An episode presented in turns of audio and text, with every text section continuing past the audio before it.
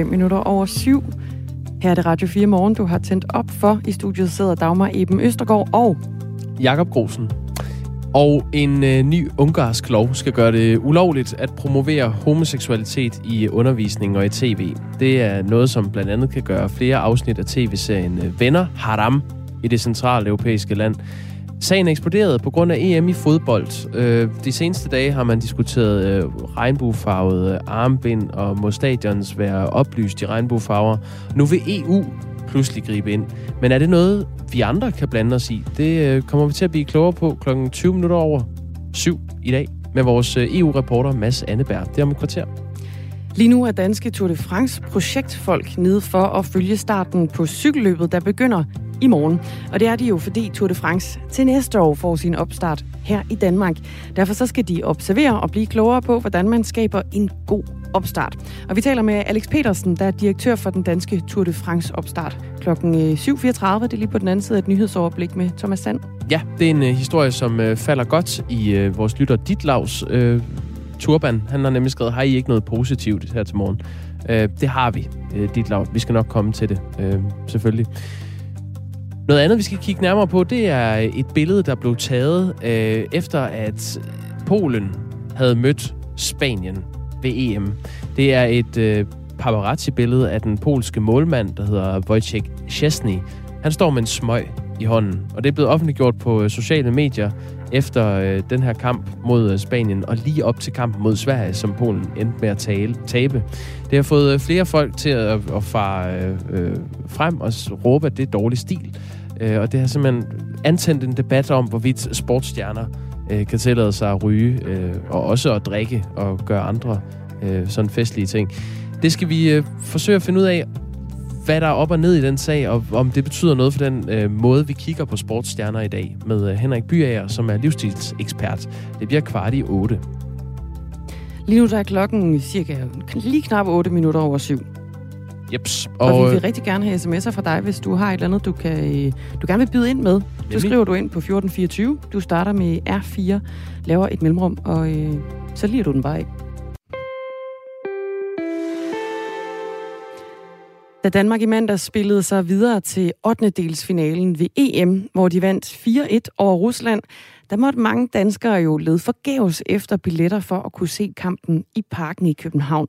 Flere danskere de har nemlig fået frataget deres EM-billetter på grund af coronarestriktioner, og andre fans de nåede altså ikke at få en billet før UEFA de meldte udsolgt. Til gengæld så sad flere folketingspolitikere klar på tribunerne blandt de 25.000 tilskuere, der var til stede. Og det kan man jo blandt andet se på billeder fra flere politikers sociale medier. Men modsat mange af danskerne, der længe har siddet i kø for at få fingrene i en billet, så var det altså noget nemmere for folketingspolitikerne. Flere af dem de var nemlig blevet inviteret gratis med til kampen gennem sponsorbilletter, skriver TV2. Godmorgen til dig, Sten Bønsing. Godmorgen. Professor i forvaltningsret på Aalborg Universitet. Der er ikke så meget praksis på området, men kan det være problematisk, at folketingspolitikere de modtager i gratis billetter til EM-kampe? Øh, det vil jeg, ja, det kan det måske godt, men umiddelbart så tror jeg ikke, at det her det strider mod nogle af de regler, vi har. Øh, og det kan måske undre nogen, men, men øh, det skyldes, at øh, Øh, eller først og fremmest tror jeg, at, at vi har to forskellige regelsæt om, øh, om modtagelse af gaver. Altså det så har vi nogle forvaltningsretlige regler, som gælder for øh, offentligt ansatte, sådan i bred forstand, øh, inklusiv for eksempel ministre, Øh, og øh, ved siden af det, så har vi straffelovens bestikkelsesregler, øh, som, som gælder lidt bredere, øh, og, øh, men som til gengæld kræver nogle lidt grovere sager. Og, øh, og folketingsmedlemmer, de er ikke omfattet af, af de forvaltningsretlige regler, altså de er ikke offentligt ansatte. Og derfor så, så, så, skal, det, så skal det vurderes efter, efter straffelovens bestikkelsesregler, og, øh, og de kræver altså en, øh, en, en lidt større grovhed, kan man sige, end, øh, end hvad, hvad offentlige ansatte de, øh, de er omfattet af. Og, øh, og derfor så vil jeg ikke tro, at det her det, er, det kan komme ind under, under øh, bestikkelsesreglerne. Mm. Men ganske morsomt, så har vi faktisk, mig bekendt i hvert fald, ikke, ikke øh, nogen sager overhovedet øh, om, øh, om bestikkelse i forhold til, øh, til, til politikere. Øh, og også af den grund, så vil det nok øh, være lidt svært at, øh, at give det et, hvad skal man sige, et bud på, at det her det skulle være, være strafbart. Det har tidligere øh, været kritiseret, at byrådspolitikere i Københavns Kommune og i Region Hovedstaden også fik gratis sponsorbilletter til landskampe i parken, som senere så blev sendt retur, så de i stedet kunne gå til danske fodboldfans. Det er tvivlsomt, om billetterne lovligt ville kunne uddeles til og anvendes af regionens personale og eller politikere. Det er derfor vurderet rigtigst at tilbagegive billetterne, lød det i en mail, som blev sendt rundt til, til regionernes ansatte. Det vil så ikke gøre sig gældende for folketingspolitikerne, eller hvordan, Sten Bønsing? Nej, præcis. Øh, og det er faktisk et rigtig godt eksempel, øh, I har fundet der, fordi øh, det er jo så en situation, som er omfattet af de forvaltningsretlige regler, fordi der, øh, der er tale om offentligt ansatte. Øh, og der gælder altså nogle meget, meget, meget snævrere grænser. Der må man, jeg vil lige sige, næsten ikke modtage noget som helst. Men det skyldes altså, at man har et meget, meget mere hvad skal man sige, snævert regelsæt Øh, for offentligt ansatte, som for eksempel også gælder for ministre. Øh, hvorimod øh, øh folketingsmedlemmer, der, øh, der gælder ikke de regler. Der gælder øh, der sådan set kun i gåsøjne øh, straffelovens bestikkelsesregler. Øh, og, og der kræver man altså sådan noget lidt mere øh groft for at kunne øh, straffe folk. Sten Bønsing, vi har jo øh, valgt at, at hive dig ind her til morgen, netop fordi, at det er en debat, der pågår. Øh, nu kan vi så forstå, at det ikke er et øh, øh sådan juridisk problem, at folketingspolitikerne tager imod de her øh, billetter, men øh, ikke desto mindre har de ikke ville svare på spørgsmål fra TV2 om, hvem de har fået de her sponsorbilletter af, og debatten ruller om, hvorvidt det er fair øh, at de får de her gratis billetter, når der er andre, som har forsøgt at købe billetter, øh, almindelige danskere, som ikke har kunne komme til det. Forstår du den debat, der er om, øh, om det her spørgsmål? Ja, det forstår jeg, det forstår jeg helt bestemt godt, og øh, der er også øh, i perioder øh, et internationalt pres øh, mod Danmark for, for for eksempel at udvide reglerne, øh, sådan at, at de her situationer øh, ikke øh, skulle kunne accepteres, eller at man laver for eksempel sådan en slags... Øh, hvad skal man kalde det, god skik-regler øh, øh, for, øh, for, for folketingsmedlemmer. Øh, fordi øh, det, der jo kan være det interessante, og som der åbenbart også er nogen, der har interesseret sig for, øh, det er jo, øh, hvem der giver de billetter og hvorfor. Altså fordi, øh, altså en af grundene til, at man måske ikke har så, så stramme regler, er, at risikoen for, øh, hvad skal man sige, magtfordrejning, altså risikoen for, for at der, der bliver truffet, kan man sige, forkerte beslutninger, nok ikke er så stor, men det kan den jo være. Altså er det nu for eksempel øh, nogle øh, virksomheder, altså er det nu for eksempel nogle bilimportører for eksempel, der, øh, der giver gaverne øh, lige samtidig med, at Folketinget de skal behandle et lovforslag om øh, nedsættelse af, af afgiften på øh, import af biler. Altså nu digter jeg bare et eller andet, altså, men, men øh, der kan jo være en eller anden sammenhæng i forhold til, øh, eller en, en virksomhed, der, der, der er afhængig af en øh, stor godkendelse, som, som kræver en lovændring øh, Øh, ja, så kan man jo sagtens rejse det spørgsmål, om det er, øh, om det er hvad skal man, fornuftigt, at, øh, at folketingsmedlemmer de modtager en gave fra, fra de pågældende. Jeg skal, jeg skal lige have den skåret lidt, øh, lidt mere ud i pap. Du henviser til den her til forvaltningsretten. Der er nogle regler for, for modtagelse af gaver for offentligt ansatte, og så henviser du til straffeloven øh, og dens bestikkelsesregler. Øh, hvad er forskellen på sponsorbilletter eller gaver til kommunale politikere i forhold til folketingspolitikere? Du siger jo, at det her fordi de er folketingspolitikere, så falder det ind under straffeloven. Ja, det skyldes, at, at øh, altså, vi har to forskellige regler, øh, og, og forvaltningsreglerne, de er, de er meget mere snævre. Altså, der må man stort set ikke rigtig modtage noget som helst. Øh, og de gælder for øh, offentligt ansatte og kommunalbestyrelsesmedlemmer og borgmestre og ministre osv. Og, øh, og så har vi altså nogle andre regler, øh, som, som øh, sådan set også gælder for de grove sager for offentlige ansatte, og så gælder de også for for eksempel dommere og folketingsmedlemmer. Men hvorfor er folketingspolitikerne ikke en, en del af det her med, med, med gaverne? Det er de, fordi de er ikke offentligt ansat. Okay. Altså, de har ikke en ansættelseskontrakt øh, med de offentlige. De sidder ikke og administrerer øh, øh, beslutninger. Mm. Vi er her de er valgt øh, som den, en del af den, øh, den lovgivende magt, der, der laver de øh, love, mm. der, der gælder for Danmark. Okay. Den skulle jeg bare skåret helt ud i pap. Tak for det. Her til morgen der har vi også øh, forsøgt at få kontakt til ni ud af de øh, 11 folketingspolitikere, der ifølge billeder på de sociale medier var med på øh, tribunerne til kampen under EM. Og øh, de to resterende de har så oplyst til TV2, at de har fået billet af vinder eller, eller selv købt billetterne. Og det har altså ikke været muligt at få, få kommentar fra nogle af dem endnu, men, men vi forsøger altså stadigvæk, og det er blandt andet Martin Lidegaard fra Radikale, det er Jeppe Brugs fra Socialdemokratiet, og Søren Pape Poulsen fra øh, Konservative, Alex Varnopslag fra Liberal Alliance, og Christian Tulsendal fra DF, og listen den øh, fortsætter lidt endnu. Til TV2 der fortæller Martin Lidegaard, at han har fået sponsorbilletten af Volkswagen. Tulesendals presserådgiver afviser, at han har fået øh, billet af Volkswagen, og Søren Pape Poulsens presserådgiver oplyser, at øh, han var inviteret i sin egenskab af partiformand, lød det. Sten Bønsing, hvor går grænsen for, hvad man som folketingspolitiker må tage imod i form af et sponsorat? Jamen, øh, der er nok en, en, en meget øh, øh, høj grænse, hvis man kan sige sådan. Altså, der, man må nok i virkeligheden tage imod øh, en del.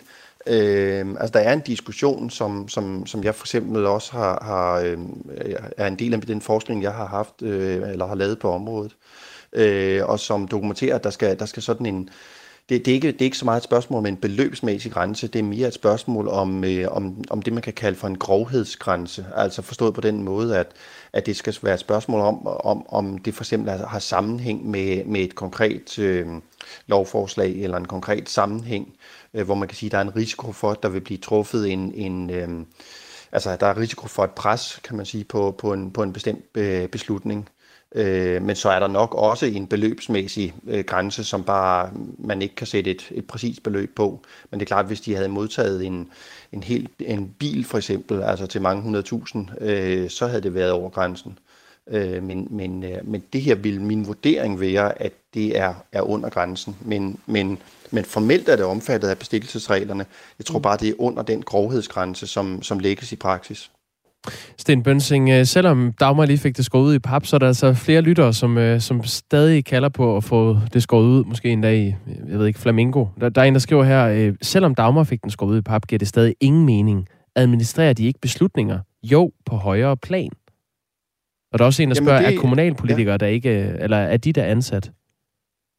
Øh, de, de, de er formelt ikke ansat, men, men øh, de er altså alligevel omfattet af forvaltningsreglerne, øh, fordi de her altså kommunalpolitikere, de er øh, øverst administrativt ansvarlige for kommunerne, og derfor er de omfattet af forvaltningsregler. Og det er øh, folketingspolitikere øh, ikke. Øh, så, så, så på den måde kan man sammenligne øh, øh kommunalpolitikerne med ministerne. Og, og jeg kan sagtens forstå, øh, hvad skal man sige, forundringen over, øh, hvorfor der er den øh, forskel. Øh, men, men den er der altså bare øh, juridisk. Altså det er sådan, øh, reglerne er lavet, om så må sige. Øh, og hvis det skal være anderledes, så, så, så skal man ændre på, øh, på øh, lovgivningen. Og jeg kan sagtens forstå, altså, og jeg vil også gerne øh, medgive, at det giver ikke nødvendigvis i den her sammenhæng nogen særlig mening. Øh, men, men sådan er det jo nogle gange med regler, at, at, øh, at ja, de er jo lavet, som de er, og... Øh, og, og der kan være øh, grænsetilfælde, som, øh, som kan virke øh, underlige øh, i, i, øh, i konkrete tilfælde. Øh, men sådan er det altså bare på det her område. Sådan lød det fra Sten Bønsing. Tak for det. Og velbekomme. Professor i forvaltningsret på Aalborg Universitet. Lidt senere, klokken øh, cirka 5 minutter i halv syv, der taler vi med formanden for Danske Fodboldfans også om den her historie. Det er jo en øh, god slutning med Sten Bønsing. Det minder om den måde, jeg forklarer regler øh, for min datter. Det, det, sådan er der bare nogle regler, det giver ikke altid det mening. Altid. Det er sådan der. Fordi jeg siger det. Godt, øhm, vi tager lige en sms. For eksempel øh, den her. Sjovt, at vores lovgiver ikke er underlagt forvaltningsreglerne. Som tidligere offentlig ansat havde jeg betydeligt mindre indflydelse end de folketingsmedlemmer, som har fået gratis billetter til landskampen. Selvfølgelig er det der bestikkelse, når XXX giver gratis billetter. Det er jo ikke for deres blå øjnes skyld. At tro andet er jo totalt naivt. Søren for Horsens skriver også, selvfølgelig skal politikere have gratis billetter til, vores, til alle arrangementer. De skal da se, hvad de bruger vores allesammens penge til. Føj, hvor det lugter, når disse småkrobte politikere stiller sig frem på andres bekostning. De kan selv betale. Ja, de kan så. En anden skriver, for det handler om etik og moral, hvilket mange af vores politikere har tabt. Altså en, der er en lille smule enig her, må vi sige med Søren fra Horsens. Urimeligt, de misbruger deres post ved at springe køen over. 20 over 7. Ugens helt store historie i hele Europa har været Ungarn og en ny ungarsk lov, som gør det muligt at promovere homoseksualitet, øh, øh ulovligt, undskyld, at promovere homoseksualitet i det centrale europæiske land. Nu har det, den ungarske lov også stjålet rampelyset til et EU-topmøde i Bruxelles, som egentlig skulle have handlet om alt muligt andet. Lad os lige høre, hvad Mette Frederiksen sagde, da hun ankom til Bruxelles i går. Det øh, ikke at anerkende homoseksualitet, jamen det er et brud med europæiske værdier. Det, jeg mener ikke, altså, jeg mener, jeg mener så set ikke, det element kan diskuteres. Mads Anneberg, godmorgen. Godmorgen. EU-journalist her på radioen og vært på vores øh, program Kontinentet. Hvorfor er det her blevet sådan en stor EU-sag nu? Jamen, det er blevet en kæmpe stor sag. En stor værdikrig simpelthen mellem øh, forskellige EU-lande. Og øh, så sent som i går hørte vi den hollandske premierminister være ude og sige, at det, som Ungarn har, har gjort, øh, betyder for ham, at de egentlig bare bør øh, trække stikket og melde sig ud af, af EU. Så det her det er, en, det er en kæmpe sag, og det er noget, som vil øh, altså kun øh, eskalere fra, fra nu af. Men det interessante ved det er, at hvis man kigger på, på timingen, jamen så er det egentlig kun... Altså det er hele 10 dage siden, at den her lov blev vedtaget i Ungarn. Og det var først efter at EM i fodbold kom ind i billedet, at det egentlig blev en stor sag. Det, jeg tror måske, de fleste vil kunne huske, at der var i løbet af ugen her en kamp, som skulle spilles mellem Tyskland og Ungarn i, øh, i, til slutrunden. Mm. Og der havde bystyret i München så fået forbud mod at lyse stadion op i, i regnbuefarver, altså de her LGBT-farver det er jo simpelthen det, der, der fik sagen til at eksplodere. Og lige pludselig så har EU altså været ude og sige, jamen nu, nu skal vi gøre noget, nu må vi trække, uh, trække en, en streg i sandet, og, og, og det, er blevet, det er blevet helt vildt øh, derefter. Og så altså op, også på det her EU-topmøde, som gik i gang i går, hvor det egentlig altså, ikke rigtig skulle have været en, en ting, men lige pludselig så blev det aftens helt store øh, højdepunkt, og en, og en meget dramatisk diskussion også, hvor, hvor mange tog ordet, og, og det, blev, det, det blev ophedet. Men er det et udtryk for, øh, lad os bare kalde det populisme, at man egentlig ikke havde øh, taget større notits af det i EU, og nu var det blevet en, øh, en folkesag, og mange mennesker har øh, fået interesse for sagen, så er det noget, man diskuterer? Det kan man udlægge på forskellige måder. Altså, det er jo heller ikke første gang, at øh, Viktor Orbán i Ungarn har været ude med noget, som egentlig går i, i clinch med homoseksuelles øh, rettigheder. Der har tidligere været en lov, som meget stramt definerede ægteskabet som noget, der foregår mellem en, en mand og en, en kvinde. Der er øh, helt klart forskellige årsager til, at det lige nu bliver sådan en, en, en, et, et turning point. Altså, men, men jeg tror selv øh, diplomater i EU indrømmer, at fodbold har simpelthen haft en, en stor rolle her, fordi det bare har øh, forstærket den her øh, følelse hos, øh, hos folk af, at her er altså noget, som er, som er helt galt på begge sider af, af den her strid. Ja, først, det europæiske fodboldforbund ville uh, lave en sag mod den tyske målmand Manuel Neuer, fordi han havde et armbind på med regnbueflag, øh, et øh, kaptajn-armbånd. Og det blev så en ret dårlig sag, og UEFA trak i land. Så var der det med oplysning af stadion, og det kunne så heller ikke lade sig gøre, øh, ifølge UEFA. Og det er så det, der har sat gang i det her. Øh, den nye lov lægger op til strengere straffe for pædofili, altså den nye ungarske lov, men indeholder så også passager, der gør det forbudt at promovere andet end heteroseksualitet i reklamer, film og tv, målrettet børn under 18, og i seksual undervisning i øvrigt. Og loven er vedtaget, men den er ikke trådt i kraft endnu. Øhm, det er jo interessant at få at vide, hvilken betydning den her lov kommer til at få i Ungarn, øh, Mads Anneberg. Kan du ikke fortælle det? Jo, det kan jeg godt.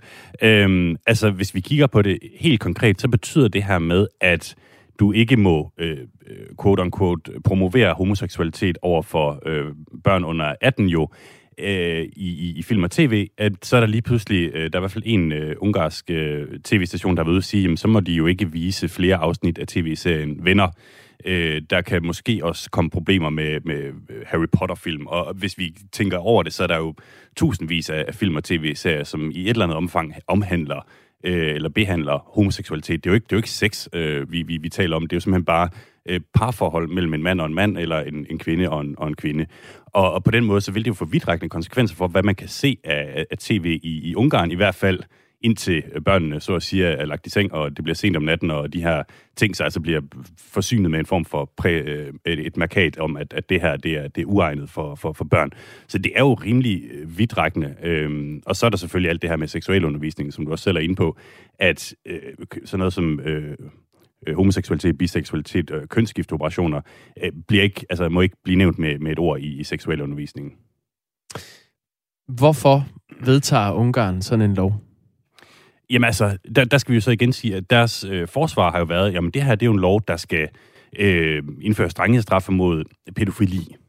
Øh, og, og, og det var det egentlig også indtil der så i sidste øh, 11. time kom nogle ændringsforslag på banen, som så indførte det her lige pludselig, som blander øh, homoseksualitet ind i det også. Altså, man, man, man skal nok tænke på i den her øh, sammenhæng, det er ikke kun Viktor Orbán, altså den ungarske premierminister. Det, det har også noget at gøre med, hvordan den ungarske befolkning har det med det her spørgsmål. Der har været målinger, som viser, at mere end halvdelen af ungarerne synes, det er unormalt øh, øh, homoseksualitet. Og, og, og på en måde, øh, når han tidligere har været ude med det her, så er det blevet udlagt som om, at han egentlig prøver at fiske stemmer i de, i det ungarske øh, vælgerhav. Han skal til valg øh, næste forår, og, og, og har haft lidt en møgssag her på det seneste med et kinesisk universitet. Og jeg tror ikke, der er noget sådan fordægt i at sige, at det simpelthen er et forsøg på at, at blive mere populært internt i, i Ungarn.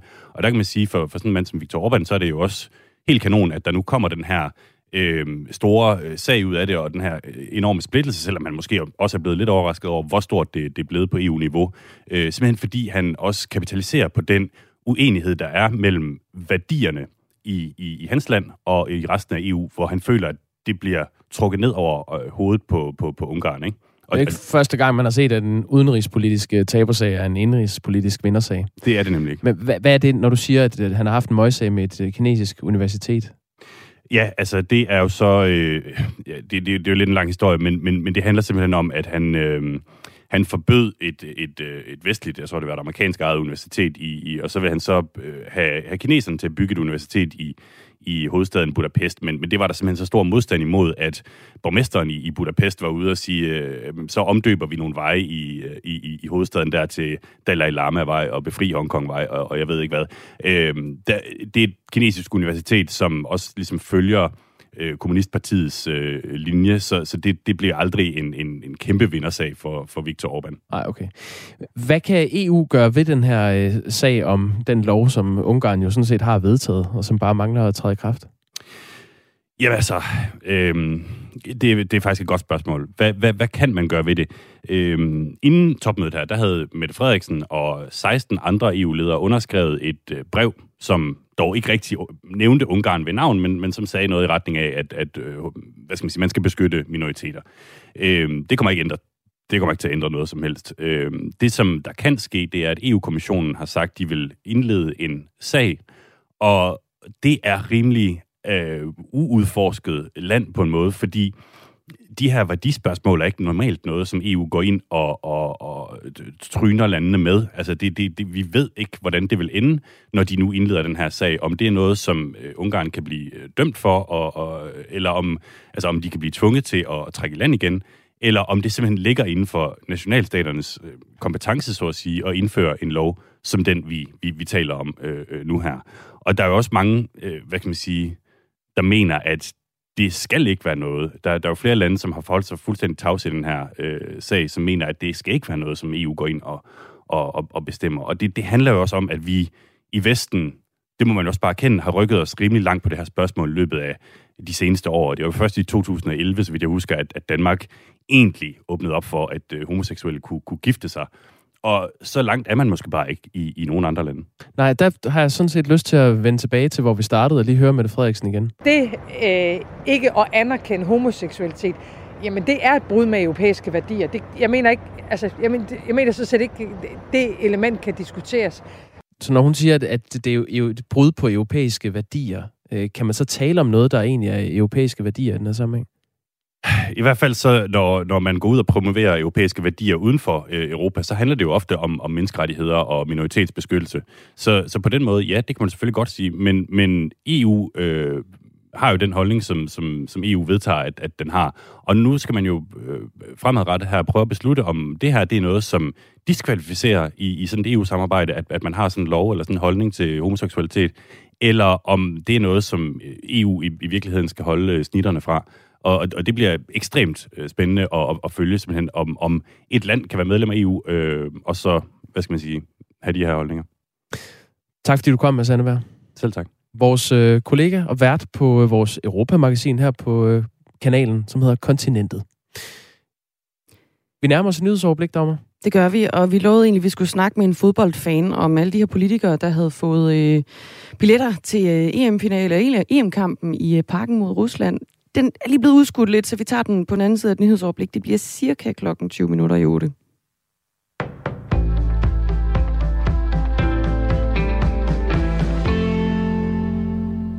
Det radikale venstre har forladt forhandlingerne om regeringens uddannelsesudspil, som skal rykke en række uddannelsespladser til provinsen fra landets store byer. I slutningen af maj lancerede S-regeringen udspillet tættere på flere uddannelser og stærke lokalsamfund. Det ligger blandt andet op til, at universiteterne skal nedlægge 10 procent af deres studiepladser i København, Aarhus, Odense og Aalborg eller flytte dem ud af byerne. Blandt andet på det punkt er det ikke lykkedes at nå til enighed med støttepartiet. Uddannelsesordfører for de radikale, Katrine Ropsø, siger. Vi er meget uenige med øh, regeringens ønske om at lukke tusindvis af studiepladser, og vi er også meget uenige i deres holdning til, at, øh, at man kan flytte en masse uddannelser uden at investere, øh, fordi det vil forringe uddannelseskvaliteten, og det har vi naturligvis ikke lyst til at gøre. SF og Enhedslisten oplyste i går, at de vil forsøge at få blødt op på kravet om færre studiepladser i de store byer, så det i stedet laves om til en målsætning frem mod 2030. Men det radikale venstre savner også yderligere penge og mener, at processen med forhandlingerne har været forhastet, siger Katrine Ropsø. Vi har valgt at, øh, at gå fra regeringens forhandlinger om, om uddannelse på nuværende tidspunkt, fordi vi ikke øh, møder opbakning til de ting, som er rigtig vigtige for os, nemlig at vi rent faktisk får brugt tiden på at gøre det her ordentligt, så vi ikke laver en folkeskolereform 2.0 og trækker noget ned over hovedet på en masse mennesker. Politiet er tidligt her til morgen til stede ved et politikontor på Rådhuset i Middelfart. Her har en mand brudt ind i bygningen og affyret fyrværkeri. Det oplyser vagtchef ved Fyns politi Peter Vestergaard. Gerningsmanden er muligvis fortsat i bygningen, og politiet arbejder på at finde ham. Politiet har derfor afspærret hele bygningen, og dem, der møder på arbejde på Rådhuset, bliver bedt om at afvente. Ingen personer er ifølge politiet kommet til skade i forbindelse med episoden. Det er dog uvist, om fyrværkeriet har antændt en egentlig brand. Det var et vidne, der har set manden bryde ind i bygningen. Politiet har på nuværende tidspunkt ikke flere oplysninger omkring den formodede gerningsmand. Det kan være helt afgørende i mange sager om eksempelvis anbringelse, at udsatte børn og unge bliver hørt, før der træffes en beslutning om, hvad der skal ske med dem. Den såkaldte børnesamtale er et lovkrav og skal afholdes, før kommunen træffer afgørelse. Kun i enkelte tilfælde kan samtalen fravælges. Men mange kommuner overholder ikke det krav. Kun i 61 procent af sagerne bliver kravet overholdt. Det viser tal fra Børnesagsbarometeret 2021, hvor Ankestyrelsen årligt undersøger kommunernes sagsbehandling, når det kommer til området for udsatte børn og unge. Årets rapport er baseret på 708 sager fra 27 kommuner. Og det er langt fra godt nok, at kommunerne har så store problemer med at inddrage børnene i deres egne sager, det siger Socialminister Astrid Krav. Det er jo helt afgørende, at man får fuldt op på, om det så også er den rigtige hjælp, øh, man har sikret de her børn. Det er nogle børn, som har fået en hård start på livet, øh, som, som har været hos forældre, der har omsorgsvigtet dem, ikke kunne tage, ikke kunne tage vare på dem. De måske vokset op med vold eller misbrug eller andet. Øh, så skal de jo opleve et system, som både ser dem og hører dem, og også følger op på, om det er den rigtige hjælp, de har fået. Lød det fra Socialminister Astrid Krav. Og med det nåede vi frem til et kig på vejret i dag. Mest tørt og skyet, men i løbet af dagen kommer der lidt sol og syd og øst på i landet efterhånden nogen sol. Temperaturer op mellem 16 og 21 grader køligst ved vestkysten. Svag til jævn vind, mest omkring vest ved Skagerak op til frisk vind. Det var nyhederne på Radio 4 med Thomas Sand.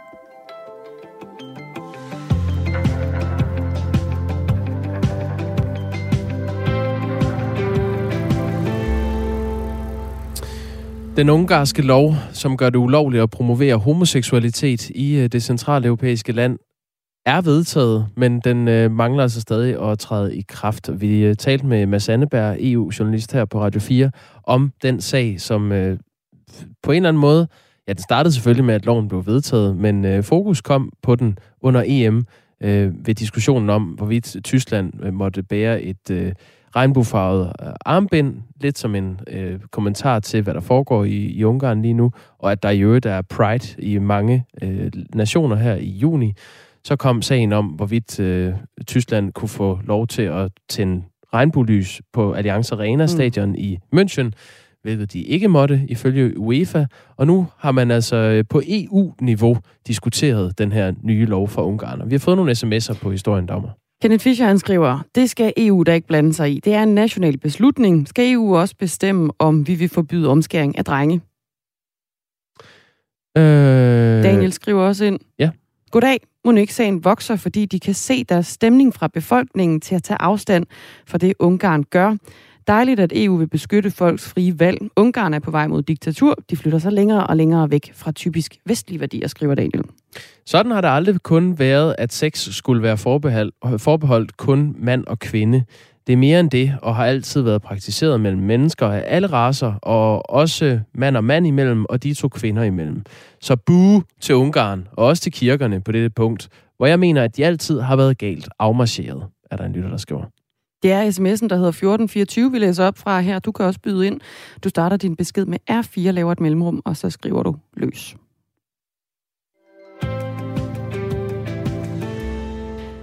Nu er der ikke lang tid til, at verdens største cykelløb begynder igen. Det er Tour de France, og det er altså i morgen cykelrytterne, de træder i pedalerne i årets Tour de France for første gang, når de forlader startbyen Brest i Frankrig. Og det er ikke kun cykelfans, der vil stå klar på sidelinjen. En række danske repræsentanter er nemlig også til stede. Næste år, der skal Tour de France jo starte i Danmark, og derfor så skal danske projektfolk ned lige at observere og lære en lille smule. Blandt andet dig, Alex Petersen. Godmorgen. Godmorgen. Direktør for Grand Depart Copenhagen, Danmark 2022. Og du er altså i Frankrig lige nu. Hvad er det, I skal ned og lære? Jamen, øh, årets Tour de France her i Bretagne er, er en særlig vigtig begivenhed for os, fordi det er sidste chance for at komme helt ind i det praktiske maskinrum af afvikling af sådan en Grand Depart her, øh, inden du, som du selv sagde før, lige selv skal stå for de første tre etaper øh, næste år. Øh, det, er en, det er en kæmpe stor opgave øh, at arrangere sådan en mega-event som Tour de France. Altså, Tour de France er jo en af verdens største sportsbegivenheder, og derfor er det rigtig vigtigt for os at få alle detaljerne med, så starten i Danmark næste år kan blive en helt unik start på Tour de France. Og vi arbejder på, at vi skal have en gul folkefest på tværs af, af de her tre etaper i Danmark, og, og det, det glæder vi os rigtig meget til. Men, men det, det er super godt at være nede lige og se her en sidste gang, inden vi selv står med, med, op, øh, med ansvaret. Men det er, jo, altså, det er jo et anderledes sted, en anden geografi og en helt anden by. Hvad kan man tage med hjem så derfra? Ja, det er rigtigt, at, øh, at, at, at, at at Tour de France har aldrig startet i Danmark før, øh, men alt det praktiske og vedrørende selve afviklingen af, af cykelløbet øh, er det samme.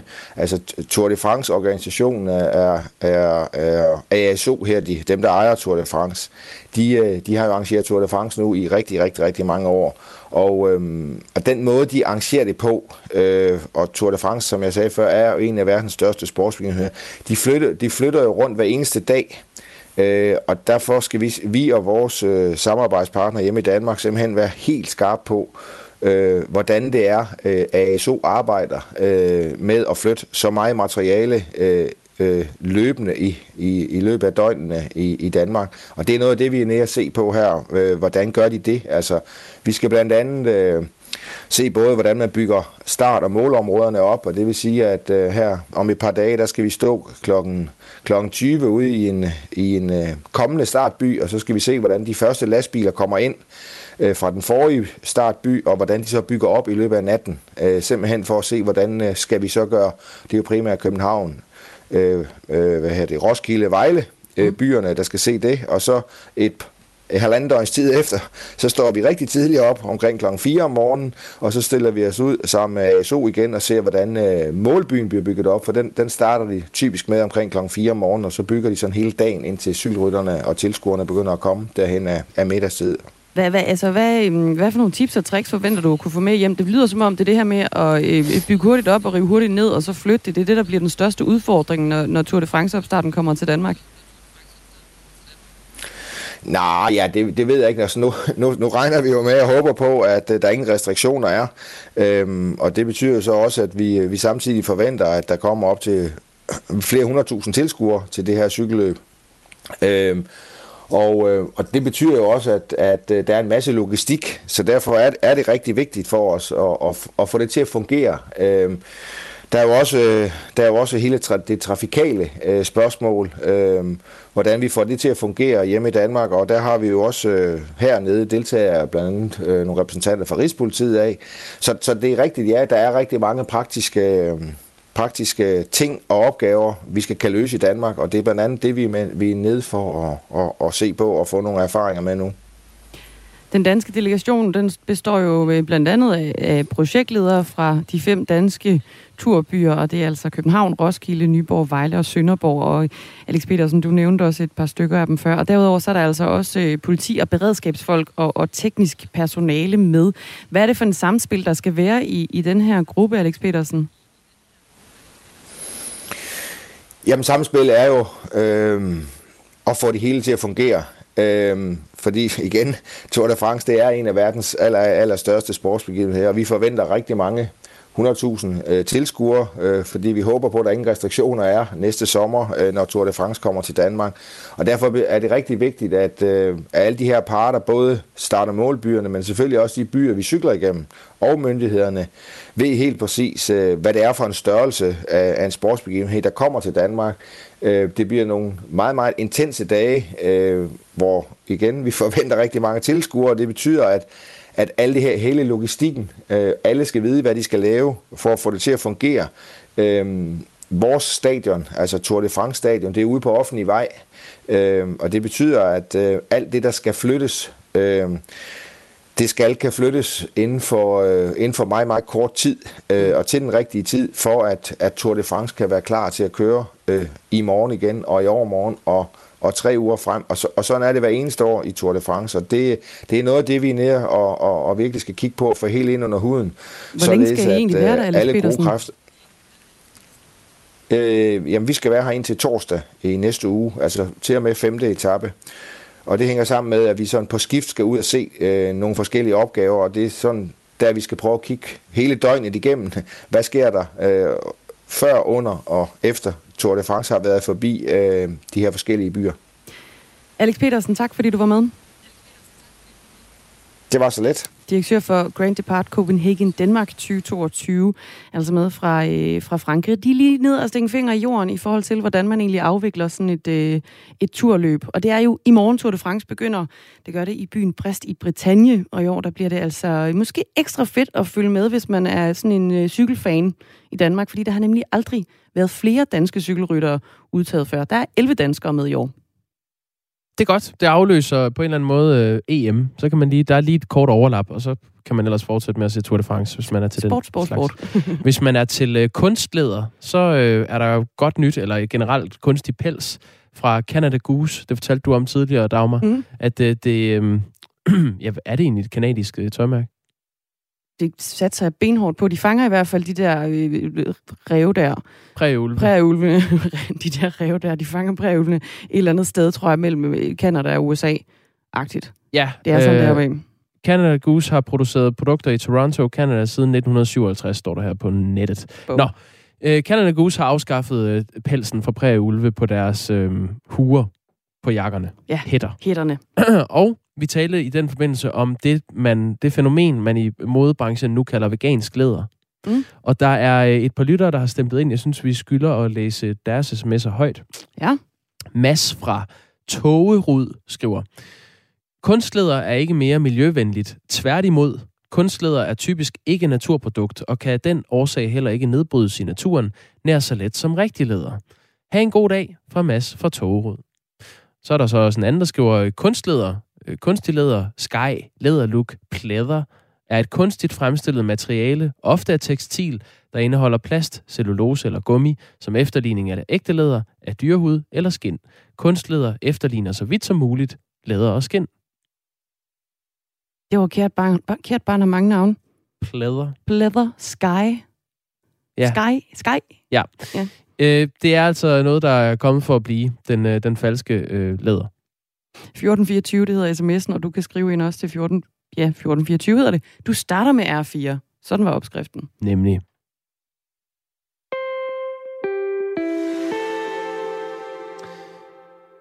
Muslimske friskoler har længe været et omdiskuteret emne på grund af historier om social kontrol og dårlig undervisning på en række af dem. Men nu viser et nyt studie fra Rockwool-fonden, at muslimske friskoleelever ikke er dårligere integreret end andre muslimske børn.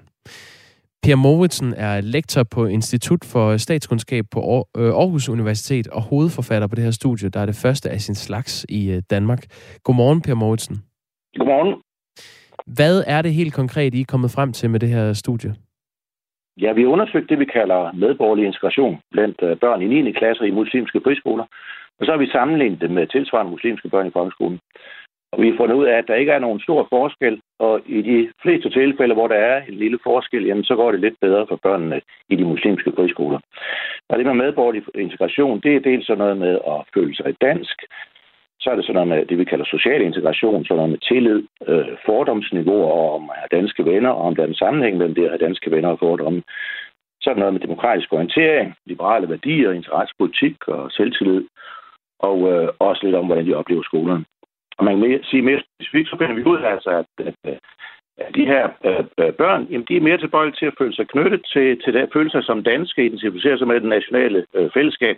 Og det er faktisk på trods af, at de, de er lidt mere øh, religiøse.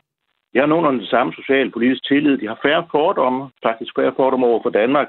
Og sjovt nok finder vi også, at selvom de har færre venner, og det har de, de har færre venner ved at gå i de her øh, danske venner i de her friskoler, og det er måske ikke så mærkeligt.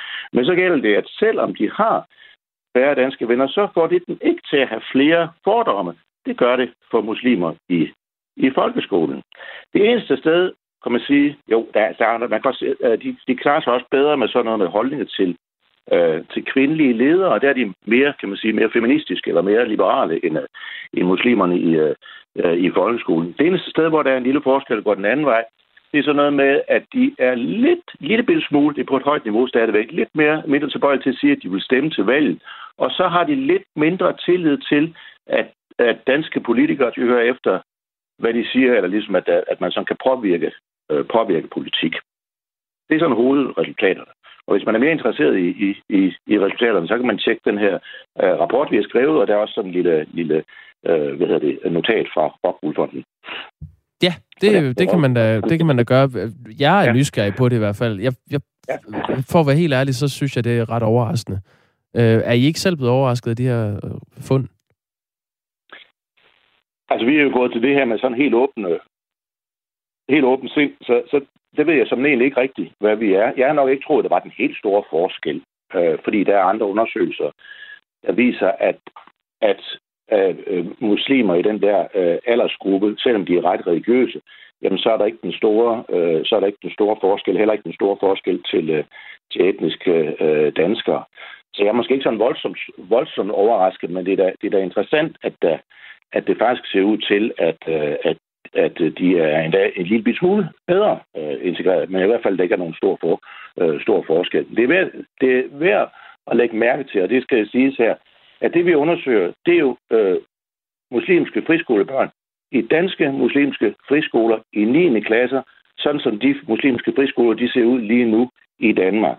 Det kan godt være, at der er nogle andre muslimske friskoler nogle andre steder i verden, eller muslimske friskoler tidligere, hvad ved jeg, øh, hvor det har set anderledes ud. Så det er jo et øjebliksbillede øh, vi, øh, vi kigger på her. Men der ser vi jo altså, at det går egentlig ganske godt, øh, som det er lige nu.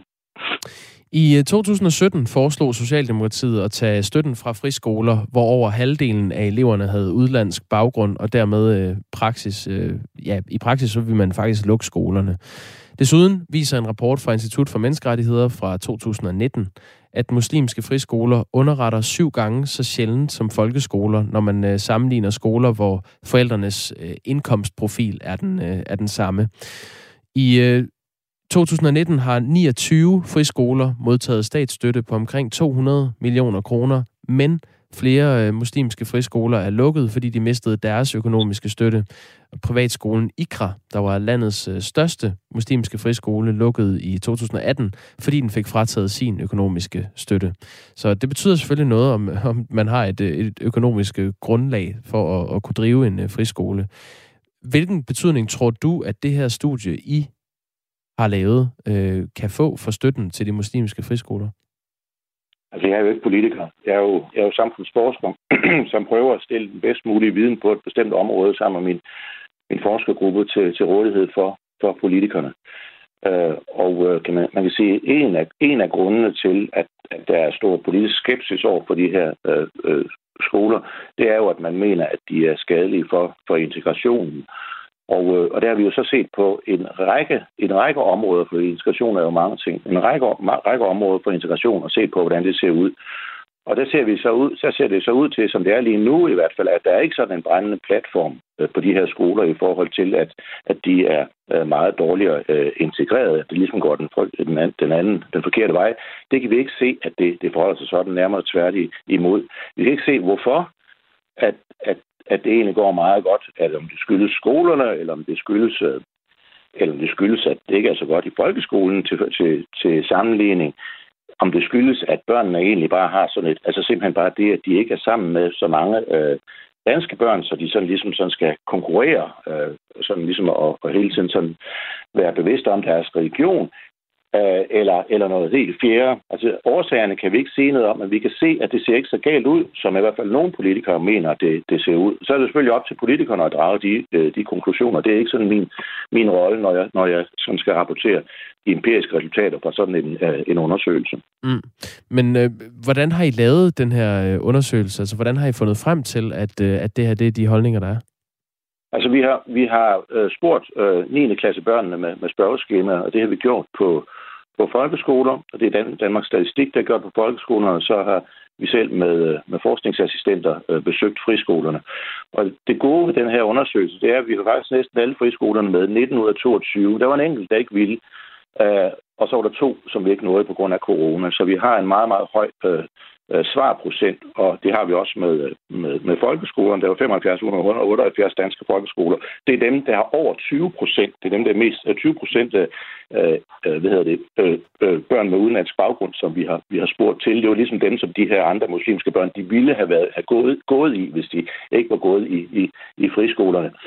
Og så har vi øh, udtrukket, øh, så, så har vi, øh, øh så har vi øh, Øh, hvad hedder det, øh, besøgt alle, alle 9. klasserne i de her øh, 75, dog ikke hvis der var, der var mere end to, så har vi kun besøgt to.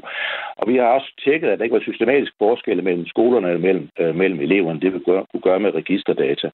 Og vi har også ved sammenligningen kunne kontrollere for blandt andet køn, statsborgerskab, og især uddannelse og beskæftigelse, så er vi sikre på, at resultatet det ikke skyldes, at eleverne i friskolen har lidt mere ressourcestærke forældre.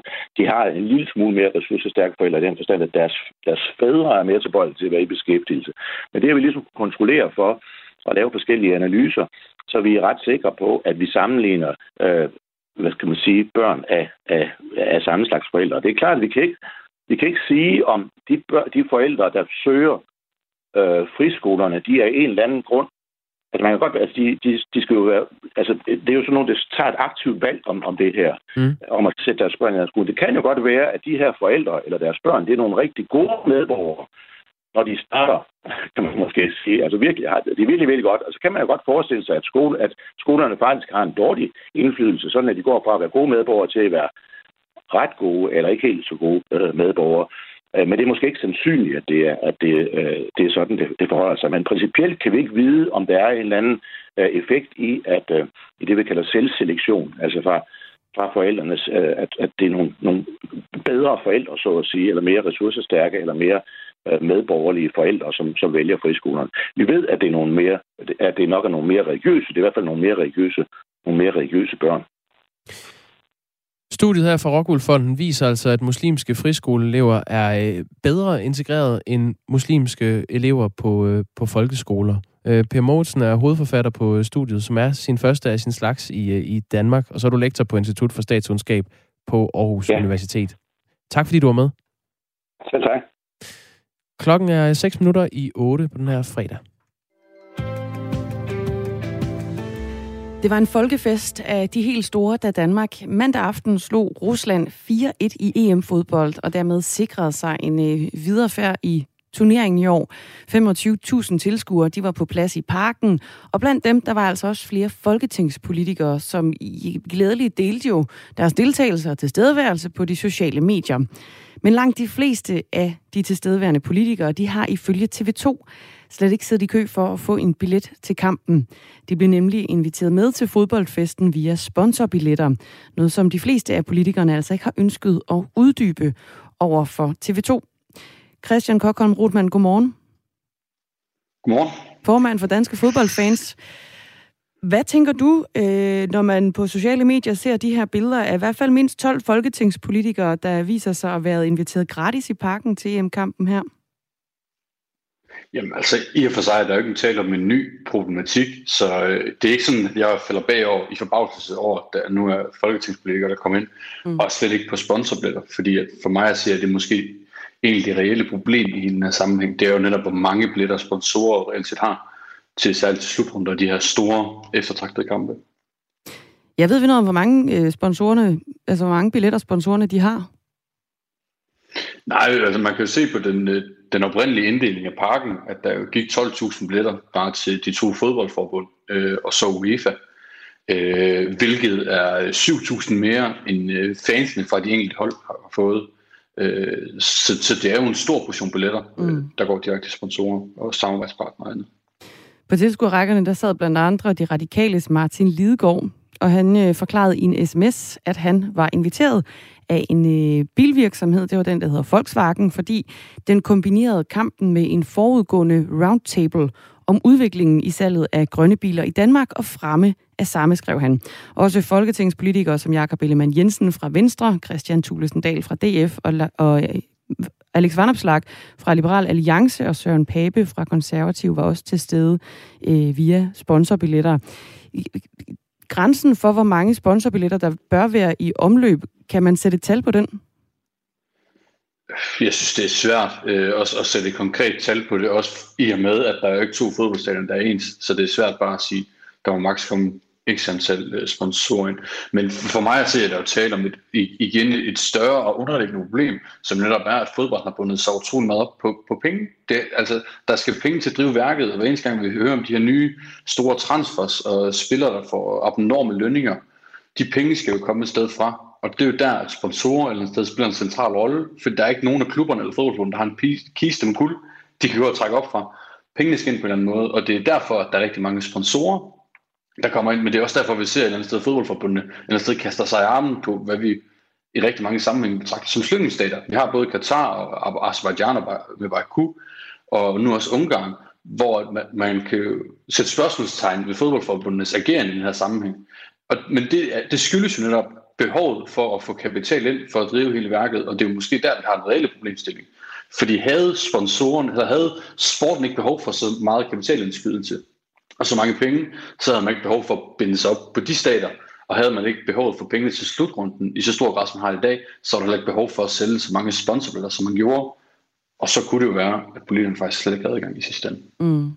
Men er det ikke også, altså, kan det ikke også være en, øhm, en, en, en god idé i at have nogle af de her sponsorinviterede personer med på tribunerne, ser du? Selvfølgelig kan det. Altså så længe at sporten har bundet sig op på, at der er så stort behov for, for penge i kassen, så er man selvfølgelig nødt til at tilfredsstille sponsorerne på den måde. Øh, og, og, og der er sponsorbilletter jo en central del. Desværre, øh, kan man sige, nu, kan du se bare med parken, at det er jo, det er jo over en fjerdedel af billetterne, der andet sted ikke går til almindelige fans. Mm. Og så kan man så diskutere om, hvad det er, at, de, at sponsoren så køber ind i, køber de sig ind i den den atmosfære, som de faktisk er med til at begrænse, netop fordi de får så mange billetter, som de gør, eller køber de bare ind i, at det, der er noget eksklusivitet, og det er noget, som andre ikke kan tilbyde, og derfor har det noget værdi. Christian Kokholm Rotman, tusind tak. Sæt. Formand for Danske Fodboldfans. Vi har forsøgt her til morgen at få kontakt til øh, 9 ud af de 11 folketingspolitikere, der altså ifølge billeder på de sociale medier var øh, med på, på tribunerne til kampen under øh, EM, den der blev spillet i mandags mod Rusland. Og de to resterende, dem de har oplyst til TV2, at de altså har fået billetter af enten venner, eller så har de købt dem selv. Og det har ikke været muligt endnu at få en kommentar fra nogen af dem, men vi forsøger altså fortsat og der er kommet øh, sms'er ind på den her også. Der var en til flere, der påpegede, da vi havde øh, Sten Bønsing med på historien, at... Øh, professor stats... i forvaltningsret? Ja, professor i forvaltningsret, at øh, statsministeren jo altså også var med på tribunerne. Og det var hun. Hun har lagt et billede på Instagram, klædt i rød-hvide farver. Ja, vi ved ikke, øh, hvordan hun er kommet hvordan ind. hun er kommet ind. Man kan gisne om, at hun ikke selv har betalt den billet heller. Øhm, vi får en sms her, Dagmar, hvor der står sponsorbilletter. Er det egentlig ikke bestikkelse? Hvad skulle formålet ellers være? Det svarede Sten Bønsing jo på. Øh, han sagde, at det er ikke bestikkelse, når det er øh, folkevalgte. Øh, så gælder der simpelthen andre regler, når det er landspolitikere. Hvis det er Mm. kommunalpolitikere, så er det en anden snak. Kompliceret stof. Det er det. Nu er der nyheder klokken 8.